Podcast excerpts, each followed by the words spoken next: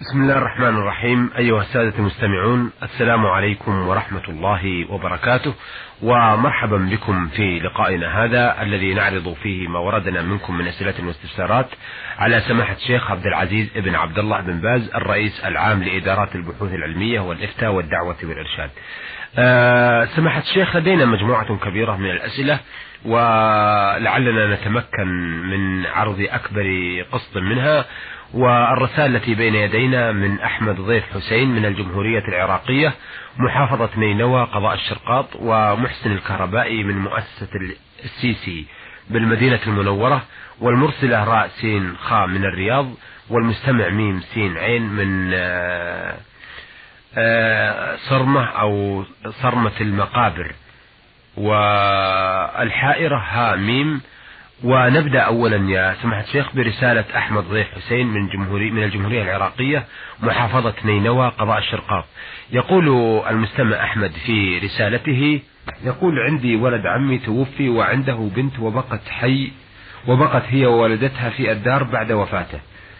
يقول وبعد وفاته تزوجت زوجته وأخذت زوجا غريب عن عشيرتي ولا من أقربائي فأخذت البنت معها ولم تعطينيها وأنا أقرب الأقربين إليها. فذهبت إلى المحكمة الشرعية آه، فقدمت شكوى وجرت المرافعة بيني وبين أم البنت والقاضي أعطى الحق لأم أو إلى أم البنت. هل هذا صحيح؟ أرجو الحل السريع وشكرا وأمد الله في عمركم. بسم الله الرحمن الرحيم. الحمد لله وصلى الله وسلم على رسول الله وعلى آله وأصحابه ومن اهتدى بهداه. أما بعد فالحضانة للأطفال الصغار من الذكور والإناث تدور في الأغلب على رعاية المصلحة للطفل. سواء كانت المصلحة في جانب الأم أو في جانب الولي الذي هو من جهة الأب. والقاضي هو الذي ينظر في هذه المسائل ويقدر المصلحة للطفل.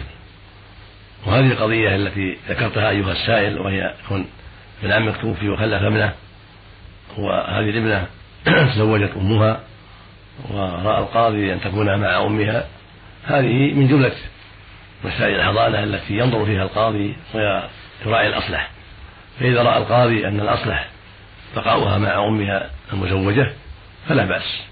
ويقدم ذلك على ابن عمها بل وعلى عمها بل وعلى أبيها إذا رأى القاضي أن بقاءها مع أمها أصلح من تسليمها لأبيها لو كان موجودا مطلقا إن كان طلق أمها أو كان موجودا ورأى القاضي أن دفعها إلى أبيها لا يصلح لفسقه وبدعته أو نحو ذلك أو لأسباب أخرى. فهكذا من باب أولى إذا رأى أن لا تسلم لعمها أو جدها أو ابن عمها. فبكل حال ينبغي لك يا أخي ألا تأثر بهذا وأن تحسن الظن بما فعله القاضي وهو إن شاء الله موفق لأن وجودها عند أمها فيه مصالح كثيرة ولا سيما إذا كان زوجها طيبا ولا يخشى منه يخشى منه عليها شر. نعم. آه، هذه رسالة طول عمرك من آه، عن التثاؤب في صلاة الفجر. بعث بها محسن آه، الكهربائي من مؤسسة السيسي بالمدينة المنورة. يرجو عرض هذه الرسالة على سماحة الشيخ عبد العزيز بن باز. يقول أطال الله لنا في عمركم وجنبكم شر المخاطر وحفظكم الله لنا من كل سوء على الدوام أنا كثير التثاؤب وخصوصا في صلاة الفجر. مما يعطلني كثيرا عن الصلاة وقد وقد يصيبني أربع أو خمس مرات بالذات في صلاة الفجر حيث أنا قلق بسبب هذا التثاؤب الذي أخبر عنه النبي صلى الله عليه وسلم أنه من الشيطان كيف أقي نفسي منه؟ أفيدوني جزاكم الله عنا خير آه، عن الإسلام والمسلمين. التثاؤب لا شك من الشيطان كما قاله النبي صلى الله عليه وسلم. إن الله يحب الغاص ويكره التثاؤب. وأخبر أن التثاؤب من الشيطان وأن السنة للمؤمن إذا تثاءب أن يكذب ما استطاع. وأن يضع يده على فيه وأن لا يقول ها فإن الشيطان يرهق منه. فالسنة في مسألة التثاؤب أن يكذب ما استطاع وأن لا يتكلم عند التثاؤب وأن يضع يده على فيه. وإذا ابتلي به الإنسان فإنه يعالجه بما يستطيع من الطرق التي تزيله. وهو في الغالب ينشأ عن الكسل والبطنة والشبع. فلعلك أيها السائل تتأخر في النوم. فإذا قمت الفجر قمت وأنت كسلان ضعيف لم تأخذ حظك من النوم فلهذا يصيبك التثاؤب الكثير في صلاة الفجر. فنصيحتي لك أيها السائل أن تبكر بالنوم حتى تأخذ حظك الكثير الطيب من النوم فتصبح نشيطا طيبا. وأوصيك أيضا إذا قمت من النوم أن تفعل ما شرعه الله بأن تقول لا إله إلا الله وحده لا شريك له له الملك وله الحمد وهو على كل شيء قدير. سبحان الله والحمد لله ولا إله إلا الله والله أكبر ولا حول ولا قوة إلا بالله. الحمد لله الذي أحياني بعدما أماتني واليه النشور. هكذا علمنا النبي عليه الصلاة والسلام عند قيام النوم الليل. فلا ينبغي أن تقول هذا. إذا قمت من النوم آخر الليل تقول لا إله إلا الله وحده لا شريك له. له الملك وله الحمد وهو على كل شيء قدير. سبحان الله والحمد لله ولا إله إلا الله والله أكبر ولا حول ولا قوة إلا بالله. وهكذا إذا استيقظت في أثناء النوم. إذا استيقظت في أثناء النوم تقول هذا أيضا. وتقول أيضا عند قيامك آخر الليل الحمد لله الذي أحياني بعدما أماتني وإليه النشور. وعند هذا يزول هذا التثاؤب إن شاء الله لأنه من الشيطان. والذكر يطرد الشيطان. والتبكير بالنوم يزيل الكسل والضعف الذي يحصل لمن تأخر نومه. فإذا اجتمع التبكير بالنوم مع ذكر الله عز وجل عند القيام من النوم فإن الله جل وعلا يزيل عنك هذا التثاؤب وهكذا الوضوء الشرعي يعين على ذلك. فعليك أن تفعل ما شرعه الله من التبكير بالنوم ومن الذكر عند الاستيقاظ والله جل وعلا يعينك ويزيل عنك هذا الشر الذي تأذيت به وقلقت منه. نعم. هذه رسالة من إحدى السائلات آه، تقول فيها أريد إفتائي في آه، أمر من أمور ديني وجزاكم الله عني كل خير. آه، تقول وهو أنني أصوم الأيام البيض من كل شهر وأحيانا يصادف صيام الاثنين أو يوم الاثنين أو يوم الخميس. أي اليوم الرابع مثلا إذا ابتدأ صيامي بالجمعة والسبت والأحد. هل يجوز لي أن أصوم اليوم الرابع؟ آه، إذا كان يوم الاثنين أو خميس. آه، تقول أرجو من فضيلتكم أن تفتوني في ذلك ووفقكم الله. نعم إذا كنت تصومين أيام البيض وصادف اليوم السادس عشر يوم الاثنين أو الخميس وأحببت الصوم فلا بأس. اليوم يوم فاضل. يوم الاثنين والخميس يشرع صيامهما مستقلين لأن النبي عليه السلام كان يصومهما ويقول وإنهما يومان تعرض فيهما الاعمال على الله وأحب أن يعرض عملي وأنا صائم. إذا صمت أيام البيض وصادف اليوم السادس عشر يوم الاثنين والخميس وأحببت صوم صومهما هذا حسن. فهما يومان عظيمان. نعم. وهذه رسالة من المرسل المستمع ميم سين عين يقول في رسالته إنني من أهالي جيزان ودائما أسمع هذا البرنامج إلا أن الوقت قصير لا يستغرق آه، ما نريد يقول في سؤاله الأول أنه توجد لدينا مقابر ولا يوجد عليها أحواش وتوجد بداخلها أشجار منوعة وتدخل الدواب في المقبرة وبعض الناس يقضون حاجتهم من خلف القبور فما الحكم في ذلك؟ المقابر التي يساء إليها بمشي الناس فوقها أو الدواب أو يلقى عليها بعض الزبل أو يتخلى بينها ينبغي أن تحوش ينبغي أن تسور يتعاون أهل البلد في تسويرها في ذلك يمنع الدواب ويمنع تساهل الناس بالمرور عليها. وإذا عجز أهل البلد يكتبون لوزارة الشؤون البلدية والقروية وهي إن شاء الله لا تقصر في هذا بأن تساعد في تسوير المقابر حتى لا تمتهن. ولا يجوز للمسلم يبول بين القبور أو يتخلى بين القبور هذا لا يجوز له. ولا يجوز أيضا المشي فوقها وإهانتها كل هذا لا يجوز. وإذا كانت هناك أشجار قد تسبب دخول البهائم المقبرة وإيذاء المقبورين ينبغي أن تقطع وتزال هذه الأشجار المؤذية.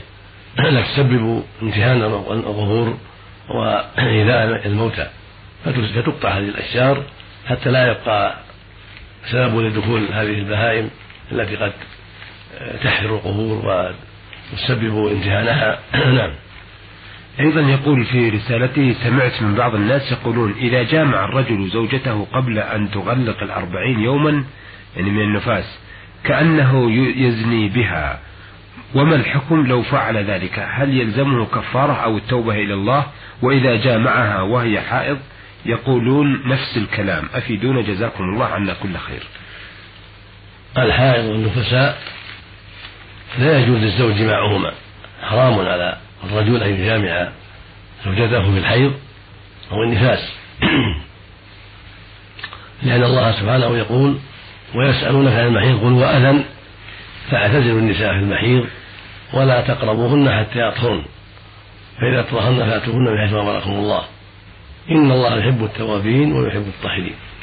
فلا يجوز للزوج أن يأتي الزوجة في حال الحيض حتى تغتسل تطهر وتغتسل. من حيضها ثم له أن يجامعها.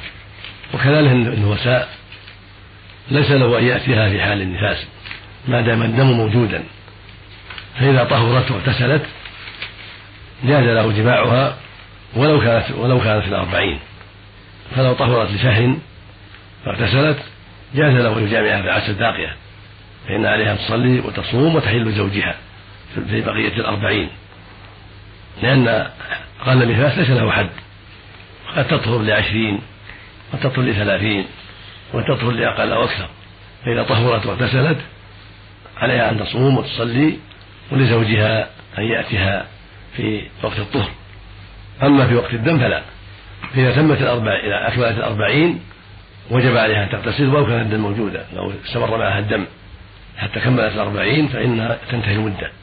فعليها أن تغتسل ولو كان الدم جاريا وتصلي وتصوم وتعتبر هذا الدم دما فاسدا لا يمنعها من صومها وصلاتها ولا يمنع زوجها من قربائها لأن هذا الدم المستمر يعتبر دما فاسدا بعد تمام الأربعين لأن نهاية النفاس وتمامه الأربعون فإذا انتهت الأربعون فإن النفاس قد انتهى فعلى المرأة أن تغتسل ولها وعليها أن تصلي وتصوم إذا كان في رمضان وتحل زوجها ولو كان الدم جاريا لأنه الحال ما ذكر يكون دم فساد لا يعتبر. وإذا جامع الرجل امرأته في الحيض أو في النفاس فقد أساء وأثم وأتى كبيرة من الكبائر فالواجب عليه أن يتقي الله وأن يتوب إليه سبحانه وتعالى عما فعل والتوبة تجب ما قبلها. وعليه مع ذلك في أصح قولي العلماء الكفارة وهي نصف دينار أو دينار. إذا أتى زوجته في الحيض ومثله النفاس. عليه الكفارة مع التوبة إلى الله والندم والإقلاع والعزم الصادق ألا يعود في ذلك. وعليه الكفارة وهي دينار أو نصف دينار من الذهب أو قيمة من الفضة. ومقدار نصف الدينار من الجنيه السعودي اليوم سهمان من سبعة. لأن الجنيه السعودي اليوم ديناران إلا ربع يعني مثقالان إلا ربع. فنصف الدينار منه سهمان من سبعة. والدينار أربعة من سبعة فعليه يكفر بذلك إذا أتى زوجته وهي حائض أو نفساء ينظر في صرف الجنيه السعودي فإذا عرف عند الصرافين يخرج مقدار سهمين من سبعة من الجنيه من صرف الجنيه ويتصدق به على بعض الفقراء. أو أربعة من سبع مقدار الدينار فيتصدق به على بعض الفقراء توبة إلى الله عز وجل وكفارة لما أتى من الوطء في الحيض أو النفاس وقت وجود الدم. أما بعد الطهر فليس في ذلك شيء. إذا طهرت واغتسلت من حيضها أو نفاسها حلت للزوج كما تقدم. نعم.